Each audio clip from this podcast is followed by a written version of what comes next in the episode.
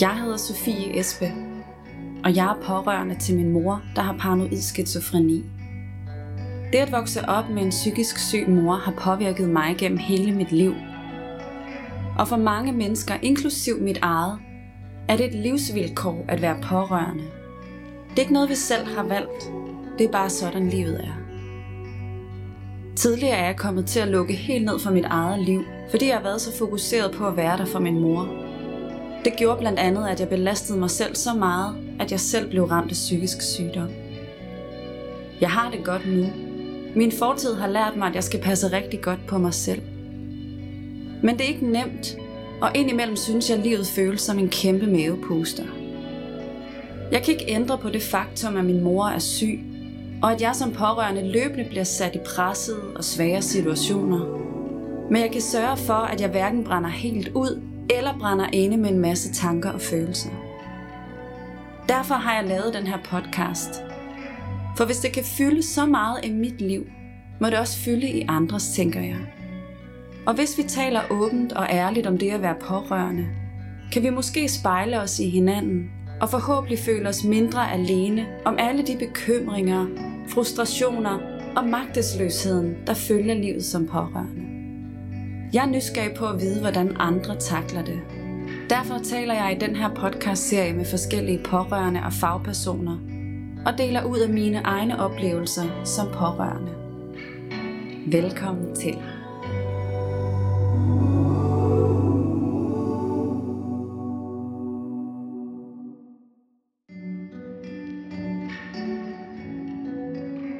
Velkommen til Jeg er også pårørende. Vi er nået til episode 15, og jeg har den fornøjelse af at have to gæster på besøg. Lige nu befinder vi os i Lydens Hus, som er et podcaststudie, et lydstudie, jeg har lånt af Anders Guldberg og Her Her Nu. Og øh, Her Her Nu laver blandt andet podcasten Stemmer Indefra, som handler om forskellige diagnoser, som øh, tages op og øh, formidles om, har du ikke lyttet til den podcast endnu, så vil jeg klart anbefale dig det. Jeg skal nok lave nogle links til den podcast her under episoden. I dagens episode, der øh, skal det handle lidt om nogle af de her forbudte følelser og tanker, vi alle har, os der er pårørende. Og inden vi skal dykke lidt dybere ned i, øh, i de her følelser, hvad det er, der øh, er på spil, så skal mine gæster selvfølgelig få lov til at præsentere sig selv, og øh, de præsenterede også sig selv i forrige episode, så hvis du øh, har lyst til sådan at vide endnu mere om dem, så lyt til den forrige episode, eller gå ind på deres hjemmeside, den skal jeg nok også liste her under podcasten.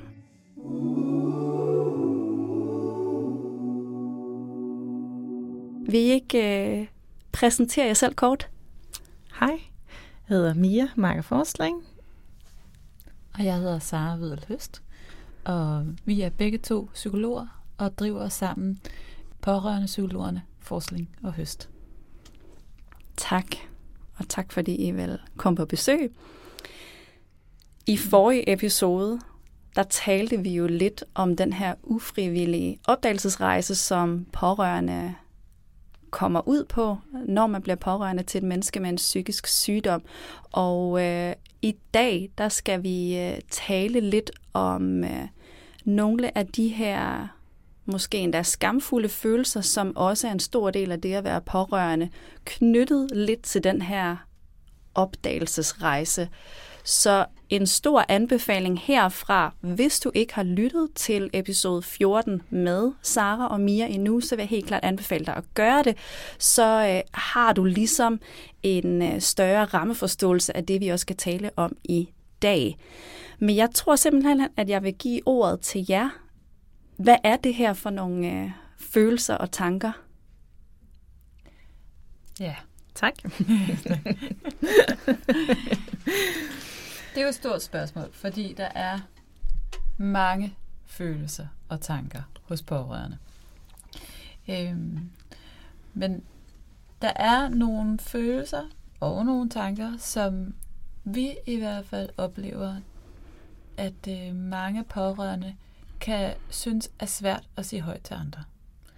Nogle følelser og nogle tanker, som man øh, går og butter lidt med, øh, fordi de øh, i en eller anden grad ikke er lige så socialt acceptable som andre følelser. Øhm, og det er jo i høj grad kan man sige, de følelser, som vi så arbejder med hos os. Øhm, vi forsøger hos pårørende psykologerne at skabe et rum, hvor man kan sige alt. Øhm, og forsøger i høj grad også at normalisere de her følelser og tanker, som rigtig mange pårørende går med.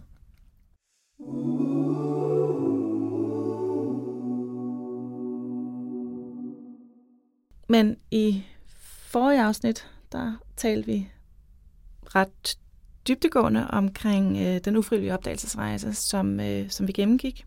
Og her vil vi bare lige kort skitsere øh, den opdagelsesrejse, som, som mange kommer på, når de bliver pårørende.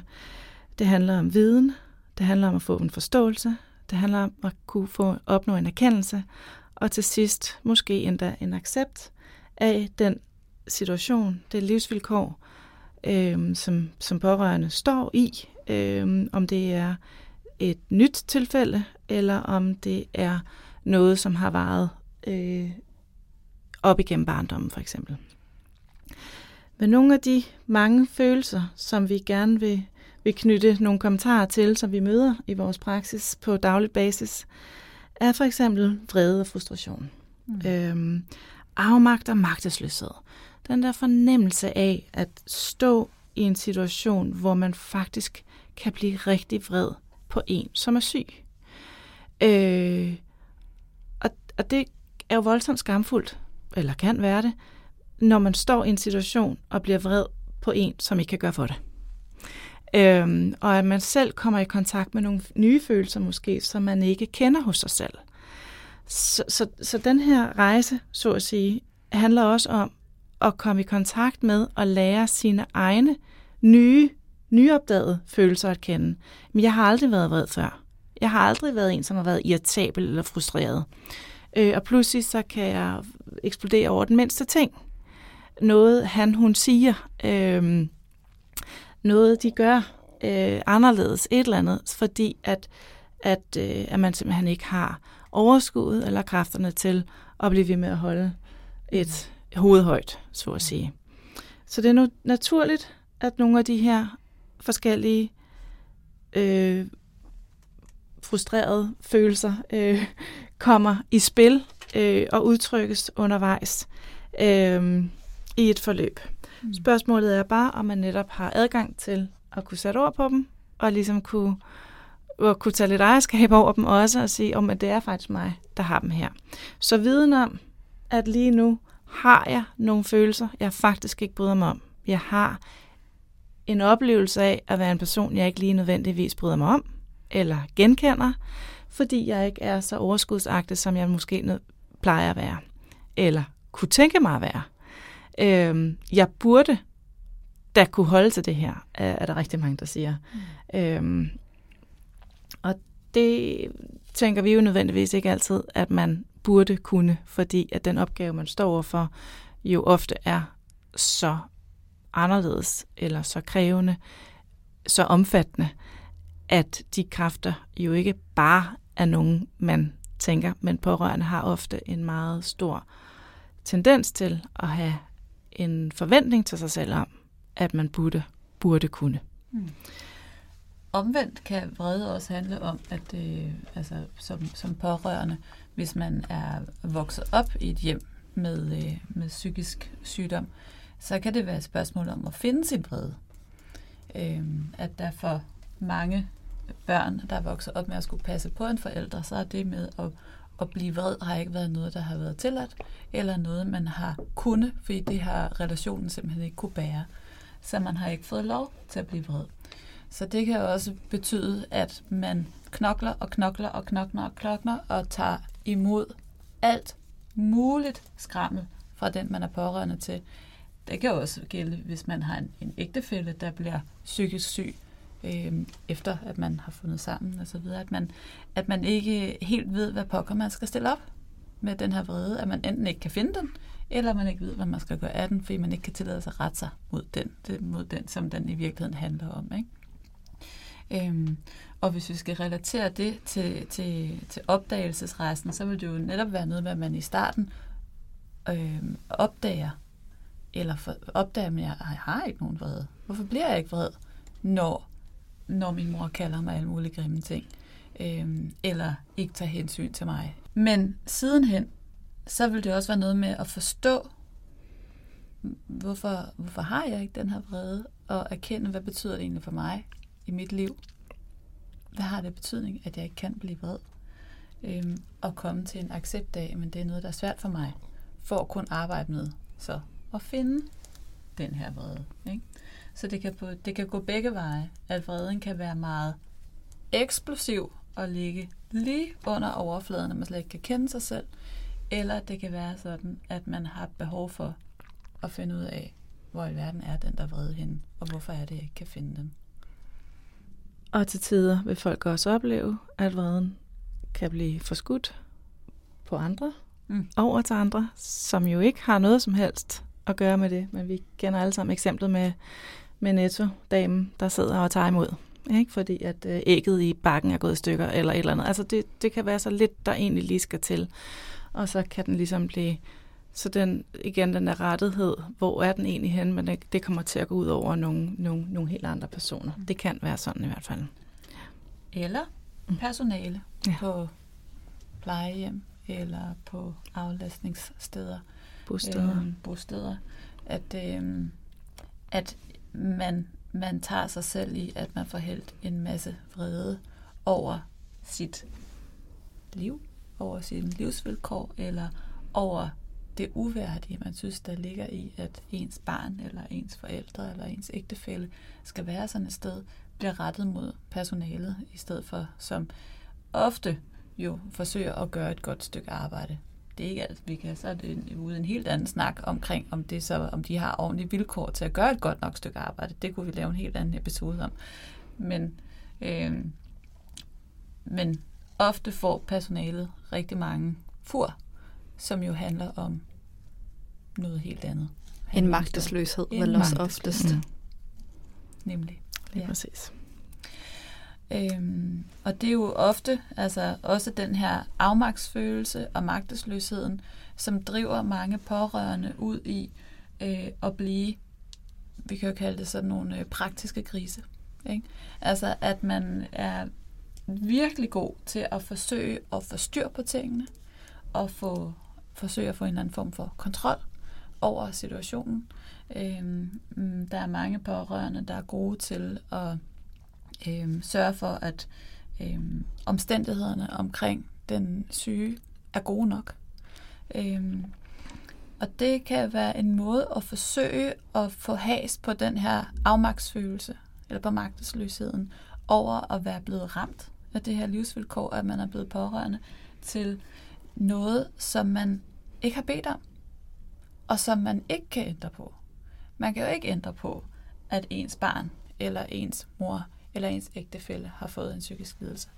Så derfor så kan, man, kan den her øh, afmagtsfølelse og, og magtesløsheden kan blive, ligesom også blive forskudt ud i, at man kommer til at løbe rigtig hurtigt praktisk. Og som jo bidrager til det, som vi talte om i, i den tidligere episode, at man bliver så slidt og man bliver så træt, at man må erkende på et tidspunkt, at jeg kan ikke mere. Øhm, så det er jo nogle, nogle følelser, det er vigtigt at gå ind og, og arbejde med på andre måder, end kun at forsøge at løse alt det praktiske. Øhm, fordi så har man bare fået løst et eller andet, om ikke andet. Ikke? Og hvad kunne det eksempelvis være, hvis man mærker utrolig meget afmagt, mm. og synes, man er kommet ind i sådan en spiral af, at jeg bare fikser og fikser og fikser hele tiden. Hvordan skal man så håndtere det på en anden måde? Mm. Du har selv været inde på det i nogle af dine episoder øh, tidligere, øh, om, omkring det her selvomsorg. At det er noget med, at man, altså det er ikke rart, men man må ind og mærke efter, hvad er det egentlig, der rører sig? Hvad er det egentlig, der rammer mig? Øh, for som regel så handler det jo også om øh, en stor sorg, og en stor... Øh, jamen, sorg dækker vel egentlig meget godt. En stor sorg over, at tingene er, som de er. Øhm, og at man skal nå til, man bliver nok nødt til at nå til en erkendelse og en accept af, at det er sådan, det er, og man ikke kan fikse det. Altså, det er jo den trælse sandhed. ja. Ja.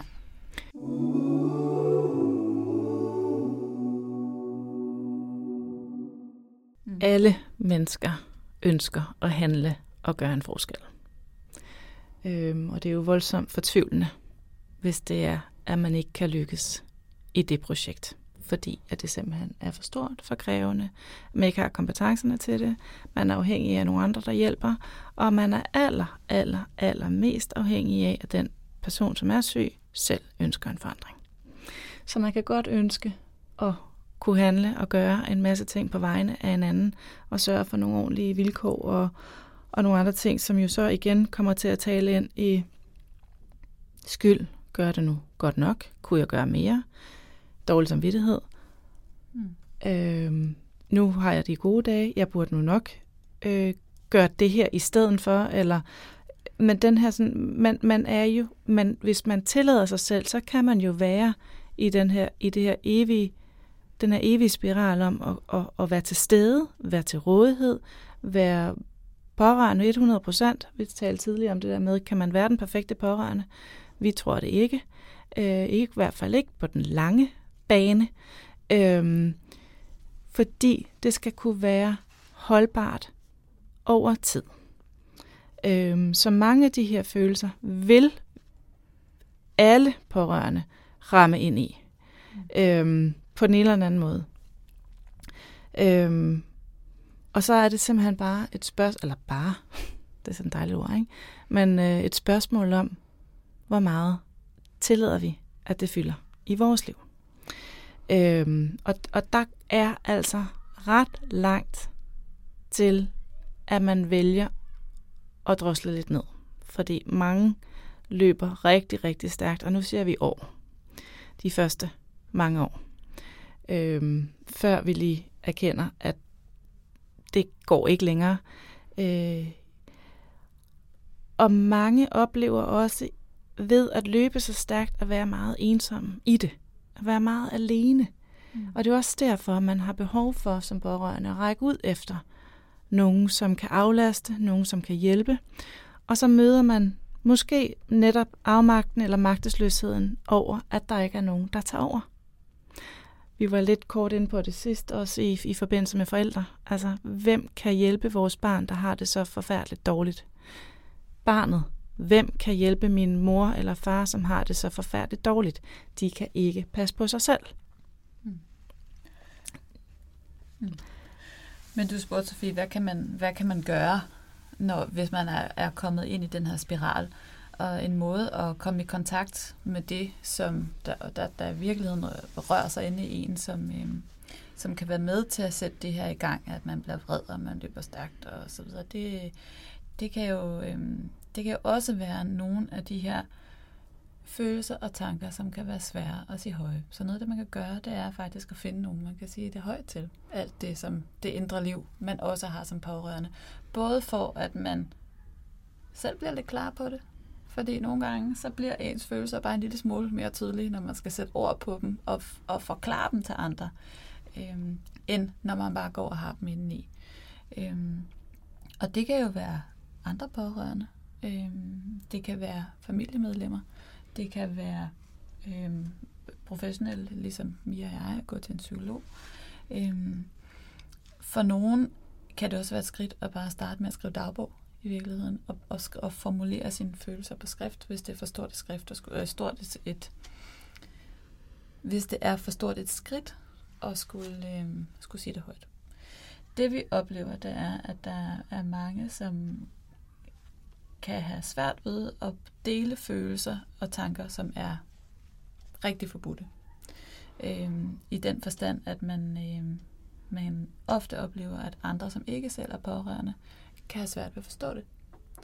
Og det kan være tanker som, hvor ville det være, have været nemmere, hvis hun dog bare var død. Øhm, det, det kan være tanker som, jeg har lyst til bare at skride fra det hele. Fra mit ansvar, øhm, som jeg synes, jeg har. Øhm, jeg har lyst til at, at øhm, stoppe relationen øhm, til min mor. Eller jeg har lyst til at aflevere mit barn på et hjem, så jeg ikke skal, skal det her mere. Ikke? Øhm, og det kan være svært at sige højt til andre mennesker, som ikke nødvendigvis har prøvet at være i den situation.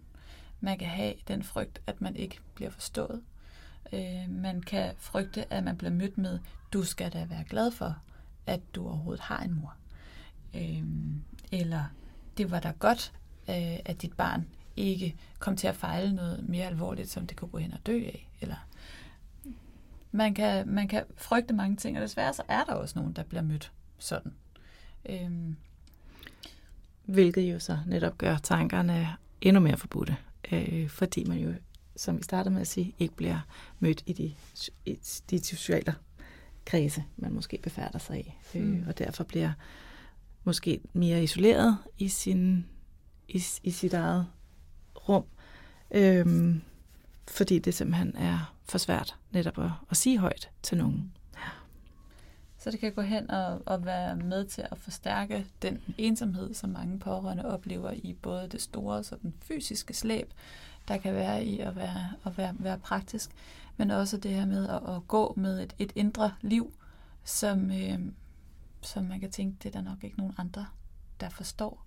Og det er nok også bare mig, som i virkeligheden er helt forskruet, at jeg tænker sådan. Fordi hvad er jeg dog for en datter eller for en mor, der kan finde på at tænke det her? Øhm, og så nu må vi hellere skynde os at sige, mm. det er helt normalt. det er helt normalt ja. mm. at tænke sådan. Øhm, det er en helt normal del af vores følelsesliv. Øhm, og det, at vi indimellem kommer til at tænke sådan, eller måske ofte tænker sådan, er jo et udtryk for, hvor hårdt man er spændt for. Øhm, og det er noget af det, vi arbejder rigtig meget med, at give plads til de her følelser og tanker. Fordi det er faktisk tit at det, der får dem til at fylde mindre, at man får lov til at sige dem højt. Og sige, det er faktisk sådan, jeg har det. Mm. Nogle gange, og nogle gange tit og meget. Øhm, og det er særligt noget, vi oplever, når vi taler med, øhm, med, med børn.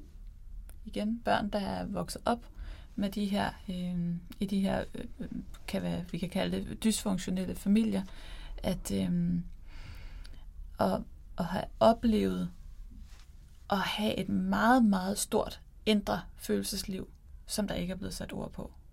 Øh, og at man har skabt sådan sin helt egen øh, forståelse af sig selv som et, øh, et væsen i et større system, i et familiesystem, øh, som man tager med sig ind videre i livet, og som man tager med ind i andre relationer, som man tager med ind i sin parforhold, og med ind i relationen til sine egne børn, øh, som, øh, som netop handler om det her med at skulle være, for eksempel at skulle være god nok, eller at udskamme sig selv, øh, som vi også ser mange pårørende gør.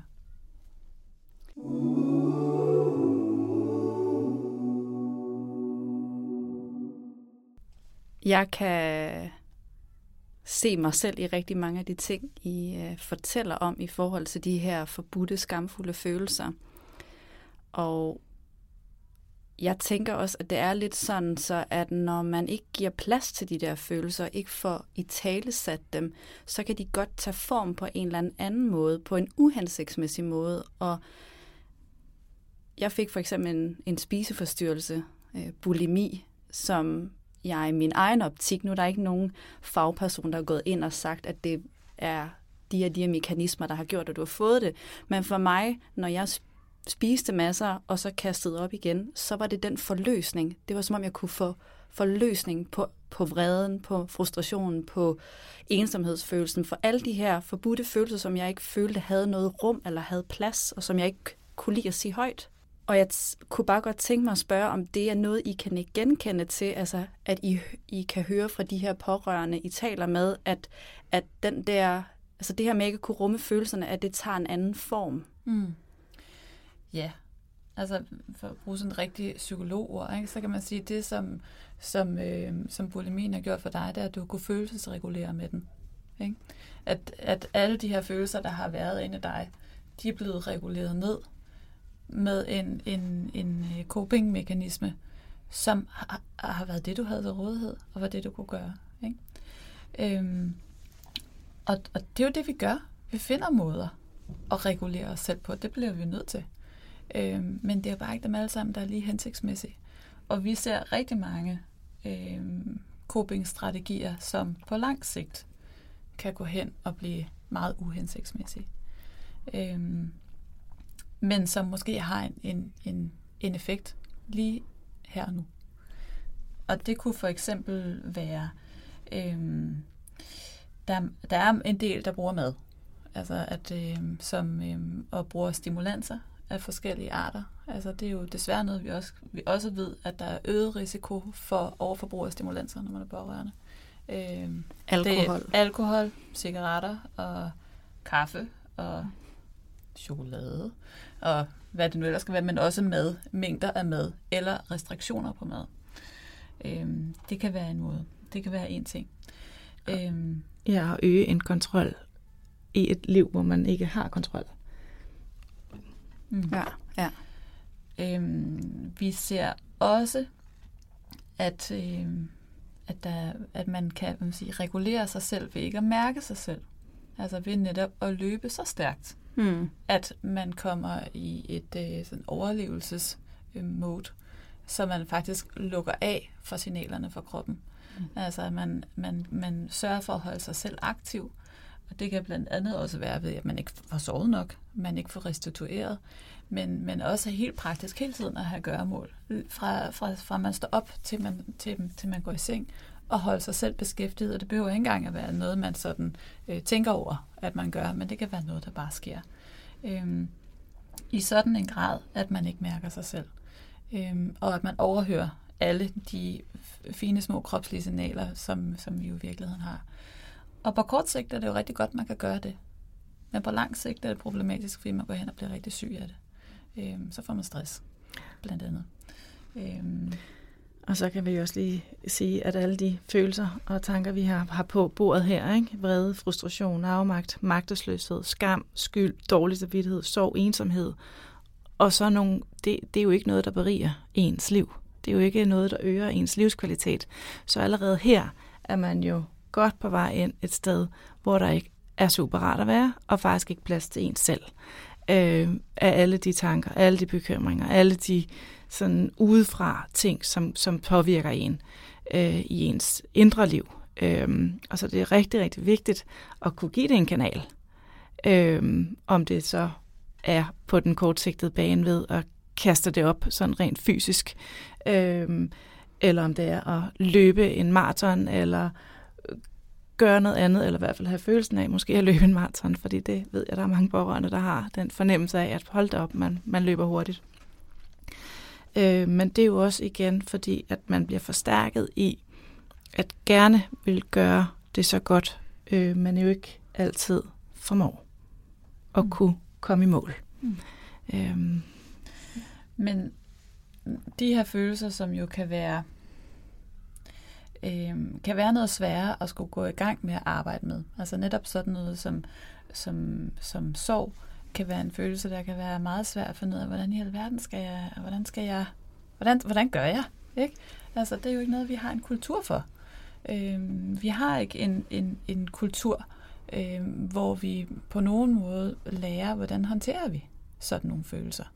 Vi, øh, vi har en meget, Nej, det kan man så diskutere, men vi har en, en kultur, som sætter en ramme om, hvad vi gør, når vi mister nogen når der er nogen, der dør, så er der et helt system, der går i gang. Vi ved, at vi skal ringe til en bedemand, og vi ved, at der skal være en eller anden begravelse, og så er der nogle ting, vi skal tage stilling til, men vi ved, at vi skal tage stilling til, skal vedkommende kremeres, eller skal de, skal de, hvad, skal, hvad skal det være? Ikke? Øhm, og, og der er ligesom en hel ramme omkring det. det øhm, sådan, sådan en pakke findes ikke. Der findes ikke nogen kulturel pakke for, hvad stiller vi op med sorg over, at øh, min ægtefælle er syg, mit barn er sygt, min mor er syg og kommer aldrig til at blive den, som jeg havde troet og håbet skulle være. Øhm, så, så derfor så ser vi, at mange pårørende håndterer det på alle mulige måder. Man forsøger at finde nogle kanaler, ligesom at sende de her følelser ud på. Ikke? Og, og, og det, det, det, man kan starte med at gøre, er, som jeg siger, at, at dedikere noget tid til det. Ture og bare stikke en lille tog ned i det. Og sige, nu laver jeg det her rum, hvor jeg sætter mig ned og prøver at tænke over det. Og så behøver jeg ikke at tænke over det på andre tidspunkter. Det kan være noget med at sætte en time af til det, øh, og sætte sig og skrive ned. Det kan også være at opsøge nogen, man kan tale med det om.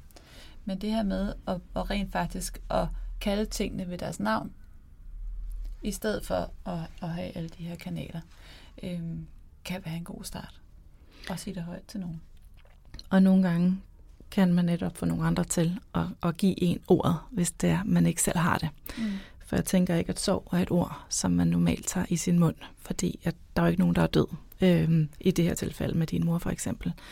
Øhm, så, så den her sådan fornemmelse af, at, at egentlig at kunne spejle hos andre, det er også derfor, at øh, pårørende grupper ofte kan noget rigtig, rigtig godt i en situation, mm. fordi det er der, man kan dele og blive spejlet og blive mødt i, at de reaktioner, de handlinger, de følelser er normale. Det er også nogle andre oplever og har øh, i en lignende situation. Nok, åh, oh, så var jeg måske ikke den eneste, der havde den oplevelse.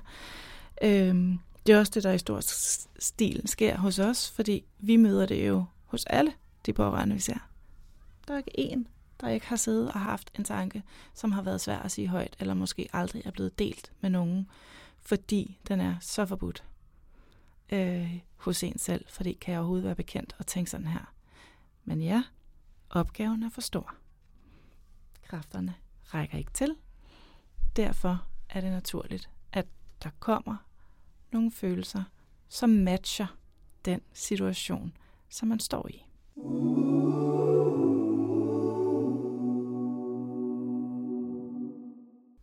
Jeg kommer sådan til at tænke på, at det, at det for mig at lave den her podcast, og det har jeg også sagt flere gange i podcasten, har været sådan en helingsrejse for mig, fordi jeg har fået muligheden for at møde andre pårørende. Og det har jeg stort set ikke gjort i alle de 26 år, jeg har været pårørende til min mor. Og det I også fortæller med, at det kan, det kan være utroligt gavnligt at dele det med nogen, der har en har lidt samme forståelses, forståelse for, hvad man føler og hvad man sidder i. Det vil jeg bare sige til alle lytterne, at det af egne erfaringer hjælper det virkelig, virkelig meget. Og det er også virkelig det, jeg håber, at den her podcast kan bidrage til i nogen del, at, at kunne være det der spejl for andre pårørende. Mm. For det er noget af det, der har hjulpet mig til at, at finde ordene og få sat ord på det. Det er nogle gange nogle andre pårørende, der har sagt, sat ord på det, og så har det fået mig til at, at se på, at Gud ja, det er også sådan, jeg har det, eller det er også næsten sådan, jeg har det. Gud ja, det der sov. Gud ja, det, det der, Gud ja, det der vrede. Og det synes jeg er rigtig fint. Selvfølgelig kan en psykolog også være med til det, selvfølgelig kan en god veninde også være med til det, men, øh, men det at finde nogen i samme båd, eller tilsvarende båd, synes mm. jeg selv er, er, er gavnligt. Det vi nogle gange hører andre pårørende sige, i forbindelse med, når, når vi anbefaler pårørende grupper, for det gør vi tit, øh, er, jeg, kan ikke, jeg kan ikke overskue Jeg kan simpelthen ikke overskue det, jeg også skal høre alle de andres historier. Jeg kan ikke rumme flere historier end min egen, for jeg har rigeligt. Ikke? Øh, og der er det så vigtigt at høre det budskab, som du kommer med der også, og vide, at ja, det kan godt være, at det, det er hårdt i starten, fordi man skal forholde sig til de andres historier. Det er jo det, der gør, at pårørende grupperne virker. Men det kommer tifold igen, netop fordi man også selv bliver hørt, og fordi man kan få lov til at låne de andres ord for sit eget følelsesliv, indtil at man får fundet sin egen. Mm. Ja. Her til sidst, så kunne jeg godt tænke mig at stille jer et spørgsmål, fordi nu har vi været igennem, I har fortalt lidt om, om de her følelser, det har blandt andet været vrede, afmagt og skyld dårlig samvittighed, sorg og ensomhedsfølelse. Og hvis der er en af de følelser, som jeg stadigvæk har rigtig svært ved at blive, så er det vred. Og jeg ved, at der er flere, der har det som mig. Særligt også børn, der er vokset op med forældre med psykisk sygdom. Fordi den der skam over at skulle være vred over noget, man ikke kan ændre, og det er jo også synd for i mit tilfælde min mor, at hun blev syg, hun kan jo ikke gøre for det, så kan jeg ikke tillade mig at være vred. Jeg, kunne bare, jeg tænkte bare, hvad er et tip til mig og alle andre pårørende, der måske øh, sidder med den her følelse af, at, at ikke kan, kan finde den der vrede, eller ikke kan få finde afløb for den? Mm. Det er to meget forskellige ting, tænker jeg, det der med at finde vreden og finde afløb for den. Ja, ja. ja. Øhm, at finde afløb for den, der vil det i høj grad, altså vrede er en meget øh, kropslig følelse, så der vil det være øh, at, at, at give kroppen lov til at reagere. Øh, nødvendigvis ikke lige på den person, det handler om, øh, men, men øh, det kunne være, altså sådan helt klassisk ville være at bokse en pude, ikke? Ja. Ja. Øh, eller at finde en eller anden form for bevægelse, hvor man får lov til virkelig at give den gas. Ikke? Øh, spinning, boksning, eller øh, løbe, eller hvad ved jeg. Eller for nogen er det også noget med at give den, give den lyd, at give sig selv til, og lov til at gå ud et sted, hvor man virkelig kan råbe, øh, og råbe til, der ikke er mere tilbage. Øh, det kan være enormt grænseoverskridende at gøre de her ting i starten, men det er også meget effektivt. Øhm, I forhold til at finde den her vrede, øhm, så, øhm, så det er jo meget, en meget individuel ting, fordi der kan være forskellige grunde til, at man lukker ned for den her vrede. Så nu bliver jeg måske lidt mere vævende, når jeg skal Ja, nej, men det er helt okay. Det. Ja. Øhm, og det, men det vil ofte være noget med at begynde i det små. Og når man at begynde at lytte til, hvornår den mund stikker hovedet frem, den er vrede. Og når den så gør det, så skal man rose sig selv. Og det er jo også noget af det, der er svært for rigtig mange. Ikke? Øhm, så det er simpelthen noget, man skal øve sig i. Det er simpelthen en følelse, man skal øve sig i. Øhm, og den hænger tit sammen med også at øve sig i at sige nej. Mm. Fordi vreden er um, vores grænsers vogter, kan man sige. Øhm, vrede handler om, at der er nogen, der er noget, der er uretfærdigt, at der er nogen, som gør noget, der ikke er i orden. Øhm, og hvis man ikke har særlig god kontakt til den, så er det faktisk også svært at værne om sine egne grænser. Så det er et godt sted at starte. Det her med, når man får lyst til at sige nej, så er det nok, fordi der også er aktiveret en lille vrede et eller andet sted. Øhm, så, så det kan være en meget godt sådan pejlepunkt. Øhm, det der med, hvis man er i tvivl om, øh, kan jeg tillade mig at sige nej, eller jeg vil gerne sige nej, men jeg ved ikke, om jeg skal. Altså, så er det der, man lige skal stoppe op og tænke, okay, nu skal jeg lige mærke efter, hvor er den måne henne, den der fred? Mm. Måske ligger den et eller andet sted helt nede i Stortåen. Øhm, men man må lede. Og så er der også lige sådan en ting, at vrede jo ikke nødvendigvis er accept, socialt acceptabelt. Det er jo sådan en følelse, som meget hurtigt bliver øh, lukket ned for øh, hos børn som ja. har raseriudbrud og andet på gulvet. Det har vi alle sammen prøvet at, at stå i en situation, hvor at det er super uhensigtsmæssigt lige nede i brusen eller et eller andet. Ikke? Men, øhm, men, men den her fornemmelse af, at, at det faktisk ikke er en følelse, som er særlig god heller at møde. Altså, du ved, så, så kan vreden, som vi snakkede om, komme ud på, øh, på personale eller andre steder. Øh, fordi det er der, der lige er en kanal. Fordi, og, og det, jeg er egentlig vred over, det er, at der er noget i relationen til min mor, som, som er fuldstændig blokeret eller, eller andet. Øh, så det handler jo også om netop at, at mærke, hvor, hvor kommer den netop til udtryk, mm. og, og bliver den egentlig rettet de rigtige steder hen. Og så kan der også ligge et, et, et større hvad skal man sige, øh, stykke øh, spændende psykologisk arbejde i at finde ud af, hvad er det, man forbinder med fred? Hvorfor ja. er det, den er forbudt? Ikke? Mm. Hvorfor, hvad, hvad, hvad skete der mon egentlig derhjemme, når jeg blev vred? Øhm, igen, når vi taler opdag, opdagelsesrejsen, ikke? det her med at, at forstå, først at vide, hvad var det egentlig, der skete derhjemme, når jeg blev vred? Og forstå, nå, så når jeg blev vred, så blev der lukket for kontakt. Ikke? Mm. Så hvis vrede er er, er, er, for, er hvad skal man sige, associeret med, at så får du ikke kærlighed. At så bliver du afvist, så, uh, så, vil, så vil mor ikke have noget med mig at gøre, eller så bliver mor syg og dårlig, og så er det min skyld. Øhm, jamen, så tro pokker, at man holder op med at blive vred. Ikke? Øhm, så det er også noget med at forstå, hvor, hvor, hvor, gamle, hvor gammel er man egentlig inde i rent følelsesmæssigt, og når det handler om vrede. Og forstå, okay, Måske er jeg faktisk kun fem år gammel, når jeg skal håndtere min vrede. Og bruger den samme mekanisme, som jeg brugte dengang. Uh, så lukker jeg bare ned for mm. den, fordi den ødelægger alt. Mm. Ikke? Øhm, og så må man prøve at, at forestille sig det der lille femårige barn, der blev lukket ned for. Og, og, det, og det er svært, nu får jeg det til at lyde, som om det er mega let. Ikke? Men at tale til sig selv, som om man var de fem år gammel. Og sige, Mm. det er okay. Du må godt være vred. Du har god grund til det. Mm. Hold nu op. Hvor kan jeg godt forstå, at du er vred. Mm. Ikke? Mm. Eller hvis man som i mit tilfælde er blevet rost hver evig eneste gang, man er glad og blevet rost for at være sådan en god Mm. og sød og dygtig og glad pige altid, Mm. så kan det også være svært at, at vise alt det andet, fordi så får man jo ikke ros.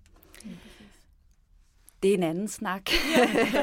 Men det er altid fedt at, øh, det er altid fedt at få alt det, den, her, den her gode faglige øh, og ekspertviden. Øh, det sætter i hvert fald en masse tanker og refleksioner i gang hos mig. Og, øh, og jeg kom lige til at, at blive bevidst om, at jeg også har et, et lille arbejde der, som øh, godt kunne få noget opmærksomhed på et tidspunkt. Har I noget mere, I vil tilføje til, til de her øh, følelser? Jeg synes, vi er kommet godt omkring alle de her forbudte følelser, som jo ikke er forbudte. Det er jo også en, øh, vigtigt at få sagt højt, at Mm. vi mennesker øh, har jo en masse følelser, og der er ikke nogen, der er forbudte, der er ikke nogen, der er positive eller negative. De, de er. Og, Man kan sige, i forhold til netop den her opdagelsesrejse, som vi har, har talt om her nu i to afsnit, der handler det jo netop også at få viden om de her følelser. Hvor kommer de fra?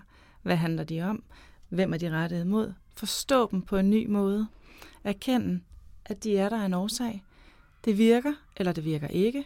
Øh, få en, få en, en, en afklarethed omkring betydningen, omkring de følelser, øh, for så at få en accept, måske, øh, af, at de er også en del af mig. Og en del af mit liv. Øh, og ved at acceptere dem, kan jeg måske også bedre nedtone dem, hvis de ikke er hensigtsmæssige, eller ikke behøver at virke længere. Det er jo ikke sådan, at vi, hvis vi først har en god kontakt med, med vores følelsesregister, så behøver vi måske ikke nødvendigvis at holde fast i vreden, øh, og så videre. Så det der med også at sige, jamen nu har jeg ligesom arbejdet med dem, og nu kan jeg også godt lægge dem til side, og netop finde fat i noget andet, som er mere berigende for mig, der hvor jeg er lige nu. Så, så det handler det jo også rigtig meget om, det der med egentlig at få en bevidsthed omkring, hvad er det for nogle følelser? Hvordan fylder de hos mig? Øhm, så de kan blive hensigtsmæssige og gode, øh, nogle gode pejlemærker i forhold til, hvor jeg er på min vej.